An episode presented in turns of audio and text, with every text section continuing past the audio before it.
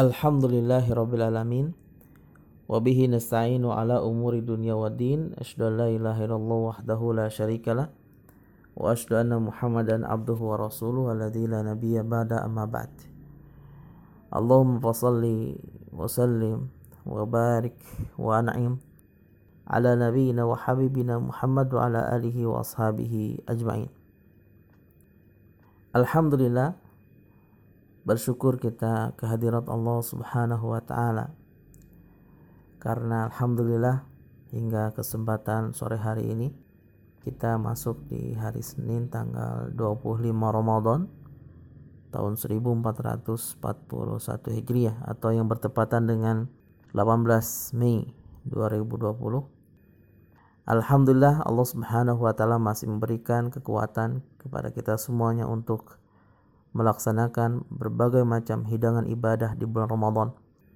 Apalagi pada faktanya Allah Subhanahu wa taala masih memberikan kesempatan kepada kita semuanya untuk menikmati hari-hari terakhir di bulan Ramadan, maka kita semuanya usahakan untuk mempersembahkan yang terbaik berupa ibadah-ibadah yang terbaik kepada Allah Subhanahu wa taala di detik-detik terakhir bulan Ramadan tahun ini. Dan e, kita berharap ya berdoa mudah-mudahan ibadah-ibadah kita yang telah kita jalani pada bulan Ramadan tahun ini itu diterima oleh Allah Subhanahu wa taala dan juga kita berdoa kepada Allah semoga Allah Subhanahu wa taala mengampuni seluruh dosa dan juga kehilafan kita semuanya kepada Allah Subhanahu wa taala. Amin ya rabbal alamin. E, para sahabat sekalian, e, sebelumnya saya sampaikan e, jazakumullah khairan katsira kepada rekan-rekan dari MIM yang telah menginisiasi dan juga memperkenankan kepada saya untuk sharing bersama para sahabat sekalian. E, terima kasih jazakumullah khairan katsira. E, kemudian selanjutnya kita akan langsung masuk saja sesuai dengan tema yang diamanatkan oleh panitia kepada saya yaitu kita akan berbicara tentang konsep rizki dalam Al-Quran. E, pertama, saya akan mencoba membahas tentang pengertian rizki. Apa yang maksud dengan rizki dan apa makna dari rizki yang terdapat di dalam Al-Quran khususnya eh, para sahabat sekalian bahwa secara bahasa rizki itu berarti pemberian. Maka apa pun yang diberikan oleh Allah Subhanahu wa taala kepada setiap hambanya itu bisa disebut dengan rizki. Kemudian yang kedua bahwa para ulama membagi rizki ini menjadi dua. E, pertama e, ada rizki yang sifatnya konkret atau bersifat kebendaan materi E, contoh dari rizki yang e, konkret ini seperti ada makanan, kemudian minuman, pakaian, rumah, kendaraan dan seterusnya. Jadi yang bisa kita e, nikmati, e, kemudian yang bermanfaat untuk kita dari hal-hal kebendaan ini, ini adalah termasuk rizki yang konkret. Kemudian yang kedua, ada juga rizki yang sifatnya abstrak, ya tidak bersifat kebendaan kemudian sejatinya kita tidak bisa melihatnya tapi e, kita bisa merasakannya maka ini termasuk kategori abstrak atau non materi e, di antara rizki yang abstrak ini seperti ilmu kemudian kesehatan kemudian iman ya kemudian ketakwaan dan lain semacamnya pembagian e, rizki tersebut hampir diamini oleh seluruh para ulama ya. Salah satu yang mengamininya itu adalah Syekh Al-Imam Al-Utsaimin. Beliau menjelaskan bahwa rizki itu adalah apa pun yang bisa dimanfaatkan oleh manusia dan rizki itu terbagi menjadi dua bagian. Pertama ada rizki yang menopang badan. Jadi rizki-rizki ini adalah rizki yang bisa menjadikan badan bisa tegak berdiri Nah, mungkin ini yang saya sebut dengan rezeki yang konkret ya. Seperti makanan, minuman, pakaian, tempat tinggal, kendaraan dan semacamnya. Berarti ini kan senada dengan pembagian tadi. Kemudian eh, beliau menyebutkan juga bahwa ada pula rizki yang menopang agama seseorang. Eh, maka ketika uh, rizki-rizki ini diberikan agama seorang itu bisa tegak. Maka ini yang disebut dengan uh, rizki yang abstrak ya seperti ilmu iman dan lain semacamnya. Uh, catatan pentingnya bahwa sebagian kita itu keliru dalam memahami makna rizki ini. Karena uh, sebagian itu memaknai rizki ini dengan makna yang sempit ya Sebagian kita memahami bahwa rezeki itu adalah rezeki yang bersifat konkret saja. Jadi kalau uh, dia berbentuk makanan, kemudian berbentuk minuman, berbentuk harta, berbentuk uang, itu baru dikatakan rezeki. Padahal sebetulnya makna dari rezeki itu sangatlah luas ya. Bahkan sejatinya semua nikmat yang kita terima dari Allah Subhanahu wa taala itu adalah rizki dari Allah Subhanahu wa taala.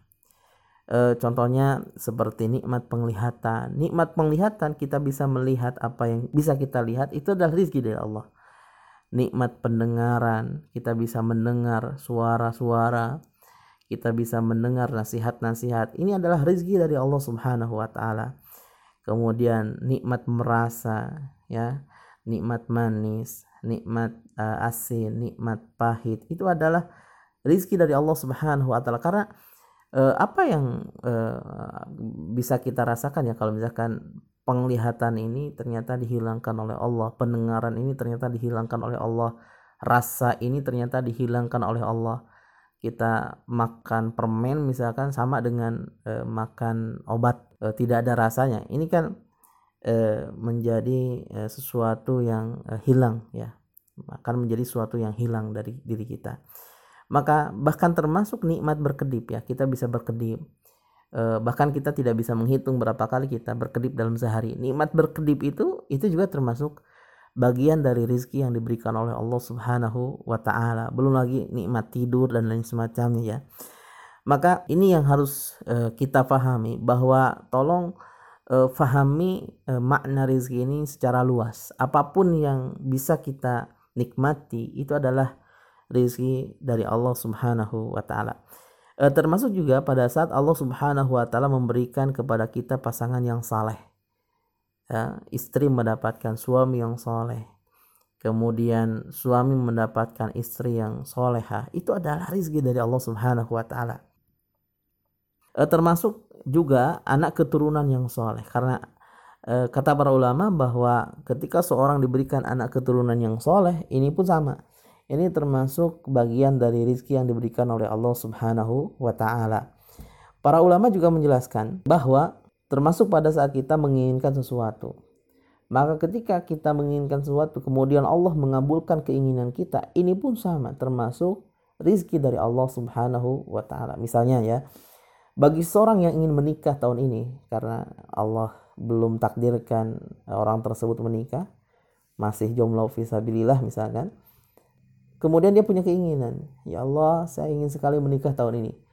Dan kemudian Allah mengabulkan keinginannya tersebut. Maka ini adalah rizki dari Allah Subhanahu wa taala. Ya. Juga eh, termasuk pada saat seorang ingin menimba ilmu di suatu tempat, ada orang yang ingin eh, belajar di Mekah misalkan belajar di Madinah atau belajar ilmu-ilmu agama di Indonesia, kemudian ingin ikut beberapa kajian agama ataupun ilmu-ilmu secara umum ya, maka ketika Allah memberikan jalan, ketika Allah memberikan kesempatan itu, eh, maka ini sejatinya rizki dari Allah Subhanahu wa Ta'ala. Jadi bisa kita simpulkan bahwa eh, makna rizki itu itu tidak hanya terpaku kepada eh, rizki yang sifatnya materi, tapi uh, semua yang bisa kita nikmati semua kebaikan yang uh, bermanfaat untuk kita itu adalah termasuk uh, makna dari rizki yang sesungguhnya. Kemudian selanjutnya yang kedua saya akan membahas tentang uh, perkembangan makna rizki di dalam Al-Quran. Ternyata di dalam Al-Quran kata rizki itu sudah diulang sebanyak 123 kali. Ya silakan nanti dibuka Al-Qurannya kemudian dihitung lah. Kemudian dikumpulkan.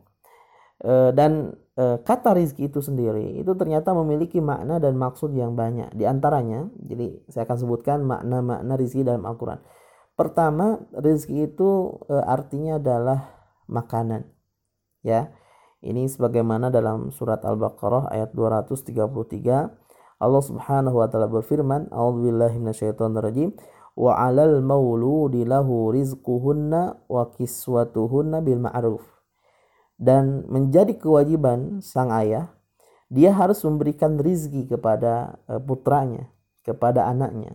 Nah ternyata eh, makna dari rizki pada ini itu adalah eh, makanan. Makanya kewajiban ayah memberi rizki itu artinya kewajiban ayah memberikan makanan karena rizki pada ayat ini itu adalah artinya makanan ya kemudian catatannya bahwa setiap Allah Subhanahu wa taala mengaitkan menisbahkan kata rizki ini kepada makhluk seperti sang ayah memberikan rizki kepada anak ini sebetulnya bukan pada hakikatnya.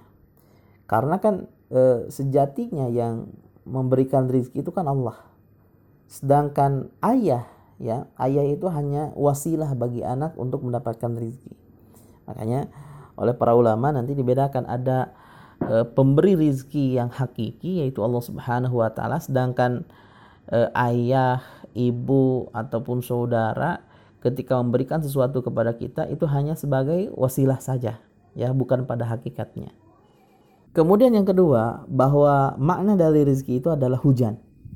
E, sebagaimana terdapat dalam surat Al-Jathiyah ayat ke-5 Allah berfirman ma anzalallahu minas sama min rizqin fa ahya bihil arda ba'da mautiha dan apa pun yang Allah turunkan dari langit ini berbentuk rizki. Nah, rizki di sini ternyata artinya hujan. Jadi Allah yang telah menurunkan hujan, kemudian Allah menjadikan bumi itu tumbuh, ya, dengan sebab hujan yang diturunkan oleh Allah Subhanahu wa taala.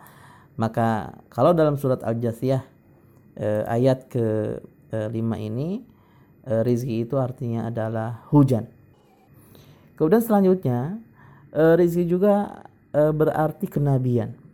Ini sebagaimana dalam surat Hud ayat 88. A'udzubillahi minasyaitonirrajim. Qala ya qaumi ara'aytum in kuntu ala bainatin min rabbi wa razaqani minhu rizqan hasana. Uh, ini adalah ucapan Nabi Shu'aib alaihi salatu wassalam. Nabi Shu'aib berkata kepada kaumnya, "Hai kaumku, Bagaimana pikiranmu jika aku mempunyai bukti yang nyata dari Tuhanku? Dan dianugerahinya aku daripadanya rizki yang baik. Ya rizki yang baik di sini ternyata adalah e, kenabian. Ya karena nanti e, Nabi Shu'aib juga lah pada faktanya beliau adalah seorang nabi gitu. Kemudian selanjutnya bahwa rizki itu juga e, berarti pahala. Sebagaimana terdapat dalam surat Al-Imran ayat 169 Allah berfirman wala tahsabanna alladhina qutilu fi sabilillahi amwata bal ahya'un inda rabbihim yurzaqun dan e, janganlah kamu mengira bahwa orang-orang yang gugur orang-orang yang syahid di jalan Allah Subhanahu wa taala itu adalah mati bahkan sejatinya mereka itu tetap hidup di sisi Allah Subhanahu wa taala dan mereka mendapatkan rizki. E, di dalam beberapa tafsir sebutkan bahwa maksud rizki bagi orang-orang yang gugur di jalannya itu adalah salah satunya adalah pahala, pahala yang e, terus mengalir kepada mereka. Maka rizki pada ayat ini itu berarti pahala. Kemudian selanjutnya bahwa e, rizki juga bisa berarti ilmu dan iman dalam surat Al-Baqarah ayat 212 Allah Subhanahu wa taala berfirman Zuyyina lilladzina kafarul hayatud dunya wa yaskharuna minal ladzina amanu taqaw fawqahum yawmal qiyamah wallahu yarzuqu man yasha'u bighairi hisab bahwa kehidupan dunia itu telah dijadikan indah dalam pandangan orang-orang kafir. Dan mereka memandang hina orang-orang yang beriman. Padahal orang-orang yang bertakwa itu lebih mulia daripada mereka nanti kelak di hari kiamat.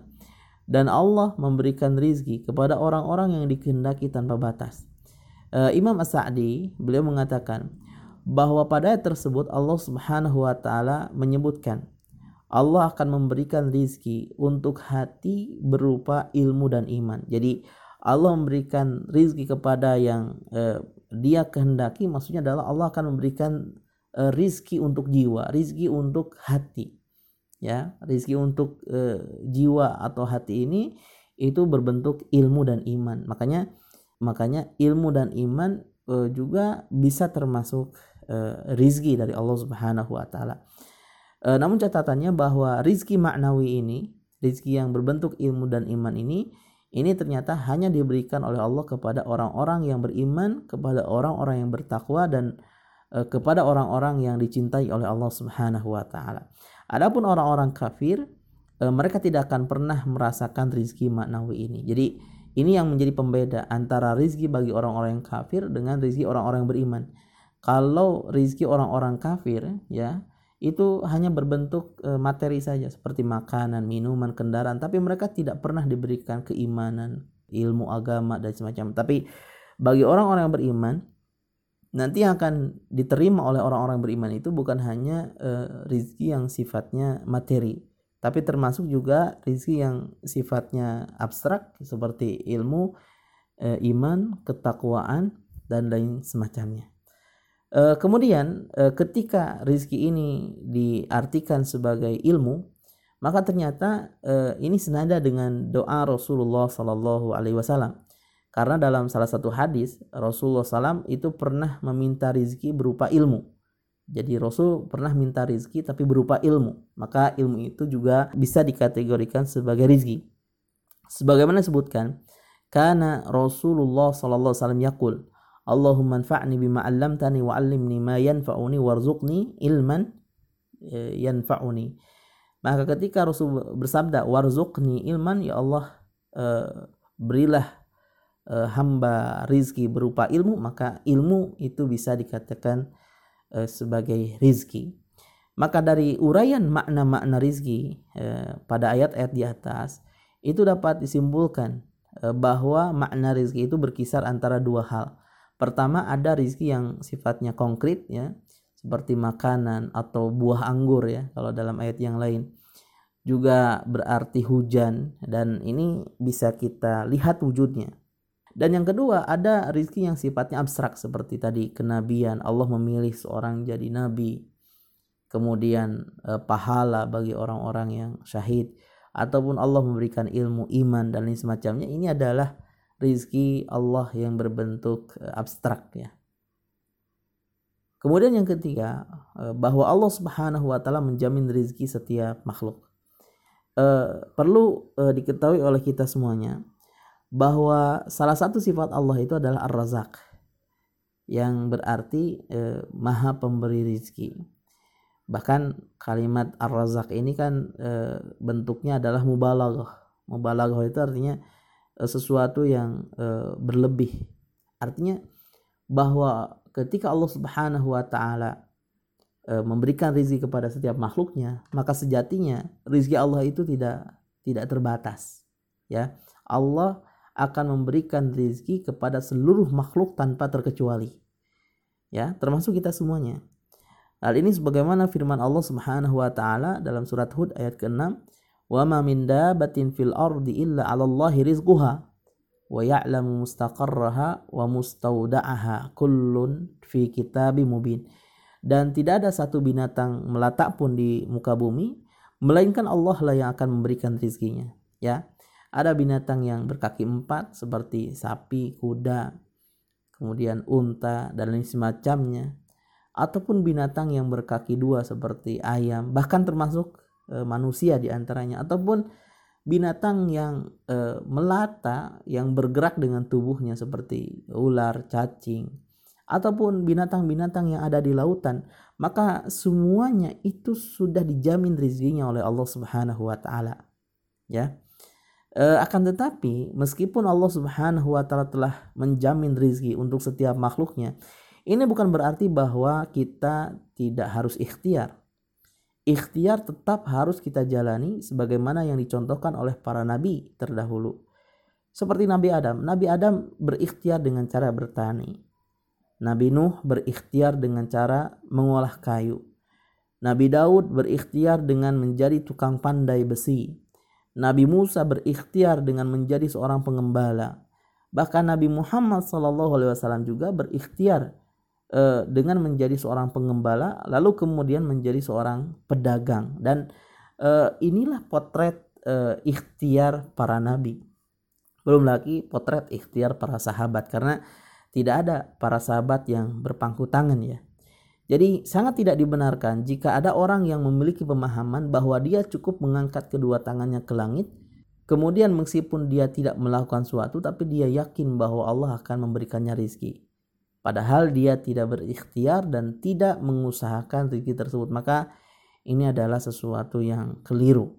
Ya, e, pada satu hadis Rasulullah Shallallahu Alaihi Wasallam e, pernah ditanya, ayul kasbi atyabu uh, ya Rasulullah pekerjaan apa yang paling baik Kala maka Rasul menjawab amalur rojuli biadihi yaitu pekerjaan seseorang dengan tangannya sendiri. Jadi amal yang terbaik adalah kalau dia mau e, berikhtiar, mau terampil, kalau dia mau berbuat sesuatu dengan tangannya. Kalau ternyata hasil dari karya tangannya itu menghasilkan rizki maka itu adalah rizki yang terbaik itu adalah pekerjaan yang terbaik.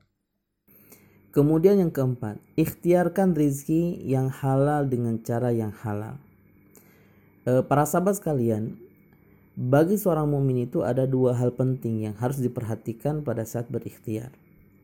Pertama, bahwa seorang mukmin itu harus mengikhtiarkan rizki yang halal dan juga baik. Jadi dia harus mengusahakan, mengikhtiarkan sesuatu yang halal secara zat dan juga baik secara kandungan. Nah ini sebagaimana firman Allah Subhanahu wa taala dalam surat Al-Baqarah ayat 168 Ya ayyuhan nasu kulu mimma fil ardi halalan tayyiba. Ya ayuhan nas, hei sekalian manusia, kulu makanlah oleh kalian mimma fil ardi apa pun yang ada di muka bumi ini halalan catatannya adalah bahwa sesuatu tersebut itu harus halal. Itu yang pertama dan juga adalah taib. Taib itu adalah baik dari sisi kandungan. Makanya dalam salah satu tafsir yang berjudul An-Nafahat Al-Makkiyah karya Syekh Muhammad bin Salih Asyawi itu beliau menjelaskan bahwa maksud ayat ini adalah bahwa Allah Subhanahu wa taala telah memberikan karunia kepada manusia eh, dengan memerintahkan mereka untuk makan dari apa pun yang ada di muka bumi. Seperti biji-bijian ataupun hasil tanaman ataupun buah-buahan ataupun hewan-hewan. Tapi dengan catatan bahwa semuanya ini adalah merupakan eh, eh, makanan yang halal secara zat dan juga baik secara kandungan. Oleh karena itu, eh, sangat tidak dibenarkan jika kita sebagai seorang mumin itu mencari sesuatu yang haram secara zat atau mengikhtiarkan sesuatu rizki yang haram secara zat ataupun tidak baik dari sisi kandungan. Jadi itu yang pertama. Kemudian yang kedua, bahwa seorang mukmin itu harus berikhtiar dengan cara yang halal. Jadi yang dia cari adalah sesuatu yang halal dan baik. Dan cara dia mencari adalah cara yang halal juga, begitu. E, nah, para sahabat sekalian, Islam sangat menganjurkan seorang mukmin agar berikhtiar. Namun yang mesti diingat bahwa bagi seorang mukmin itu ada batasan-batasan yang tidak boleh dilanggar pada saat ikhtiar tersebut. Oleh karena itu, Rasulullah Shallallahu Alaihi Wasallam mengingatkan kita akan hal ini sebagaimana pada salah satu hadis riwayat Imam Ibnu Abi Syaibah Rasulullah Shallallahu alaihi wasallam bersabda inna ruhal kudusi nafatha fi rawi. Sesungguhnya ruh kudus maksudnya adalah malaikat Jibril itu membisikkan sesuatu e, ke dalam batinku. Bisikan dari malaikat Jibril ini isinya adalah inna nafsan lan tamuta hatta tastaqmila rizquha.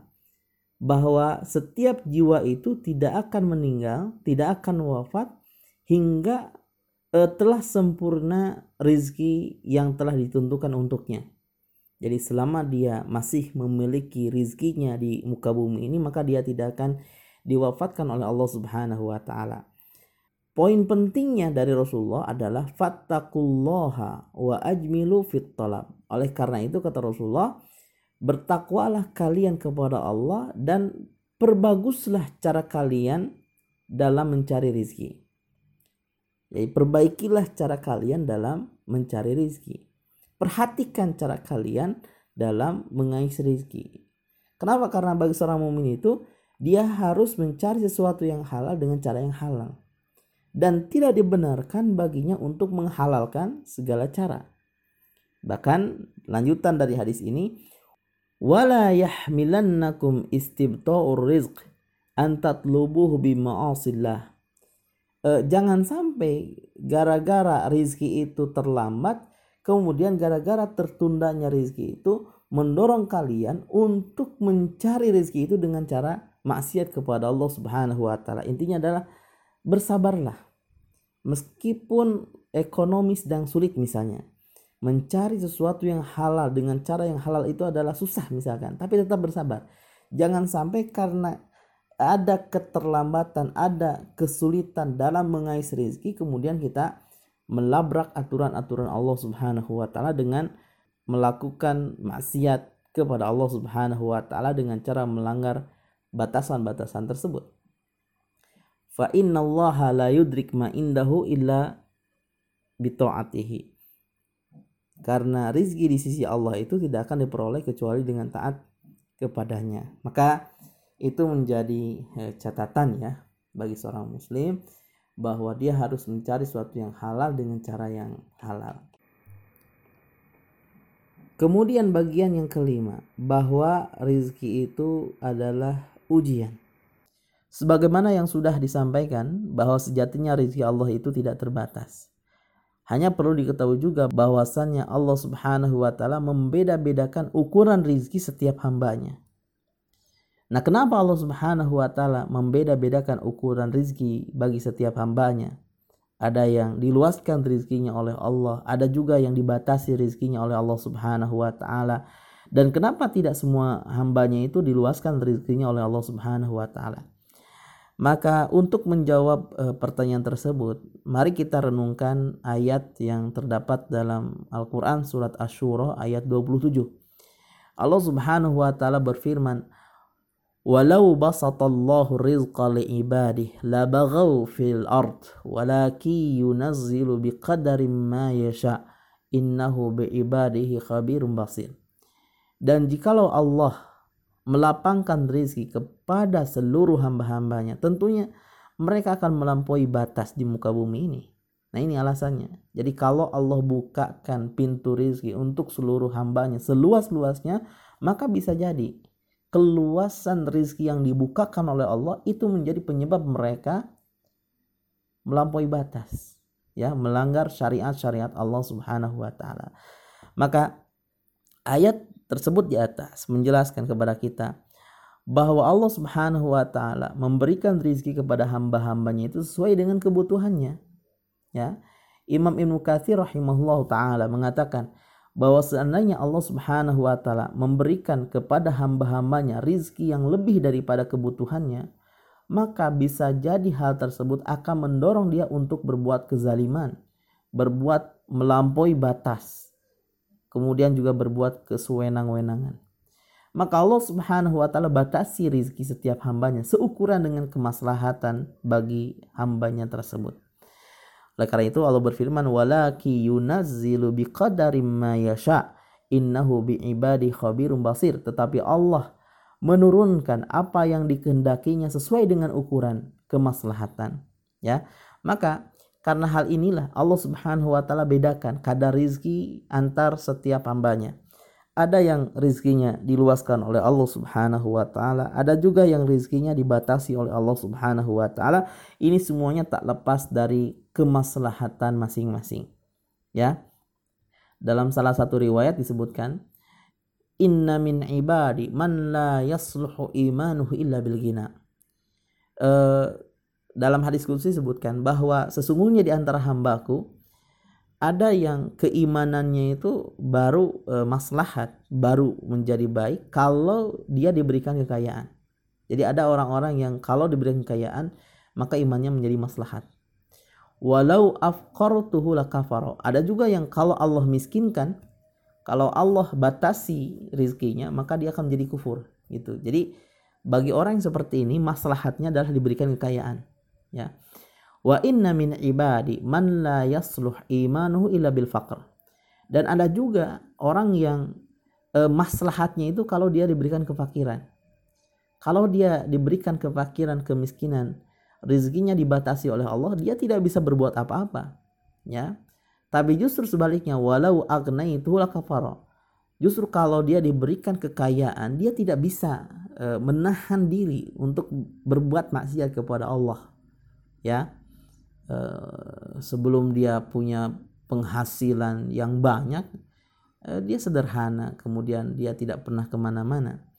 Tapi setelah Allah bukakan rezekinya ternyata justru dia uh, main ke sana ke sini main ke pub main perempuan dan semacam. Kan ada orang-orang yang semacam ini. Jadi ada orang yang maslahatnya itu diberi kekayaan ada orang yang maslahatnya itu uh, diberikan uh, atau dibatasi rezekinya oleh Allah Subhanahu wa taala. Maka uh, para sahabat sekalian, meskipun ya uh, hadis ini dinilai doif atau lemah, uh, namun hadis ini insya Allah bisa menjadi hadis sahih legairihi. Kenapa? Karena makna dari hadis ini uh, sesuai ya dengan makna uh, ayat Al-Qur'an dalam surat Asy-Syura ayat 27 tadi. Maka ibrohnya adalah jadi bisa kita simpulkan bahwa Allah Subhanahu wa taala itu menentukan kadar rizki masing-masing hambanya sesuai dengan kemaslahatannya.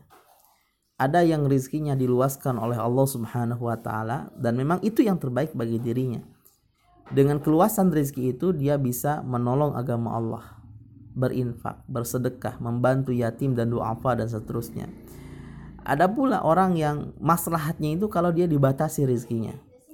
E, dan itu pun sebetulnya eh, tetap yang terbaik bagi dirinya. Karena bisa jadi sekiranya Allah Subhanahu wa taala luaskan rezekinya, maka sangat potensial dia melakukan kemaksiatan dan kekufuran kepada Allah Subhanahu wa taala. Oleh karena itu, mari kita perhatikan diri kita masing-masing, perhatikan keadaan kita masing-masing. Kemudian berhusnuzonlah. Baik rezeki kita diluaskan oleh Allah ataupun rizki kita sedang dibatasi oleh Allah Subhanahu wa taala yakinlah bahwa keadaan apa pun itu adalah keadaan yang terbaik untuk kita di sisi Allah Subhanahu wa taala. Kemudian bagian yang keenam, ini adalah bagian terakhir kita akan mencoba untuk mengambil pelajaran dari apa yang disampaikan. Pertama, pelajarannya adalah fahami bahwa makna rizki itu itu adalah sangatlah luas ya. E, jangan sampai kita terjebak dengan pemaknaan rizki yang sempit. E, apa fungsinya? Karena kalau kita bisa memahami makna rizki ini dengan makna yang benar dan luas, maka e, kita akan senantiasa terus bersyukur kepada Allah Subhanahu wa taala. Termasuk pada kondisi pandemi seperti saat ini bisa jadi meskipun saat ini kondisi kita berbeda, pemasukan berkurang, tapi sisi lain ternyata Allah berikan rizki kita berlebih. Contohnya, rizki punya banyak waktu luang, kemudian rizki kebersamaan dengan keluarga, rizki eh, bisa beribadah bersama keluarga di rumah, kemudian yang mungkin saja hal-hal tersebut kita tidak bisa dapatkan pada saat kondisi normal karena bisa jadi karena terlalu sibuk dengan pekerjaan di luar sehingga sesuatu yang mahal kita bisa bersama keluarga. Tapi dengan adanya pandemi justru eh, pandemi ini menjadikan kita lebih dekat dengan keluarga. Dan eh, kedekatan kebersamaan kita dengan keluarga itu adalah rizki yang lain, ya. Kalau misalkan pas hari-hari normal kita tidak sanggup untuk meluangkan waktu untuk eh, kajian ilmu, tapi dengan adanya pandemi, kemudian kita bisa memiliki waktu yang luang untuk belajar agama, kemudian untuk e, mengikuti kajian-kajian online ataupun kuluap seperti ini, maka ketahuilah ini adalah rizki dari Allah Subhanahu wa taala. Meskipun rizki ini sekali lagi e, tidak berbentuk materi. Maka kalau kita bisa memahami ini, meskipun kita tidak punya apa-apa ya, ya, tapi kita masih punya iman, kemudian kita masih punya kesehatan, kemudian Allah masih memberikan ilmu, ini adalah rizki yang eh, tetap eh, wajib kita syukuri kepada Allah Subhanahu wa taala. Kemudian yang kedua, bahwa rizki itu sudah dijamin oleh Allah. Karena rizki sudah dijamin oleh Allah Subhanahu wa taala, maka Sesulit apa pun kondisi ekonomi kita saat ini, maka kita harus tetap yakin dan tetap tenang. Jangan panik. Tetap optimis, tetaplah berikhtiar sesuai dengan keadaan dan kemampuan kita. Karena sejatinya di dalam Al-Quran, dalam surat Al-Mulku ayat 15, Allah subhanahu wa ta'ala berfirman, Huwaladhi ja'ala lakumul arda zalulan, famshu fi manakibiha wa kulu min rizki wa ilaihi nusyur. Dan dialah Allah yang telah menjadikan bumi ini tunduk untuk kalian, mudah untuk kalian. Maka tugas kalian adalah famshu fi manakibiha. Silakan kalian berjalan di muka bumi. Kemudian silakan kalian menyebar di muka bumi. Jadi tugas kita itu sebetulnya berjalan saja di muka bumi. Dan kalau kita berjalan di muka bumi dalam rangka ikhtiar, wakulu mirizki, jaminannya adalah kalian pasti bisa makan dari rezeki Allah Subhanahu wa taala. Wa ilaihi nusyur dan hanya kepadanya kalian akan kembali. Maka pada ayat tersebut dijelaskan bahwa yang penting kita menjalankan tugas kita sesuai dengan kemampuan ya karena jangankan orang yang maksimal dalam ikhtiar memiliki uh, satu bidang usaha kemudian memiliki ilmu keterampilan sekedar jalan saja itu sangat dihargai. Allah akan berikan rezeki bagi orang yang senantiasa keluar rumah. Apalagi kalau kita pada saat ikhtiar itu dibarengi dengan ilmu, dibarengi dengan jaringan networking, dibarengi dengan kesabaran, dibarengi dengan keyakinan. Masa iya kita eh, tidak yakin terhadap rezeki Allah Subhanahu wa taala. Kemudian yang terakhir bahwa rezeki itu adalah anugerah. Ya Rizki itu adalah anugerah, rizki itu adalah pemberian. Jadi kadang begini, ada orang yang ikhtiarnya luar biasa. E, sampai dia itu ketika ikhtiar mengais rizki itu dari semenjak subuh sampai petang hari, bahkan sampai malam hari. Tapi ternyata kadar rizki yang ditentukan oleh Allah itu ternyata terbatas.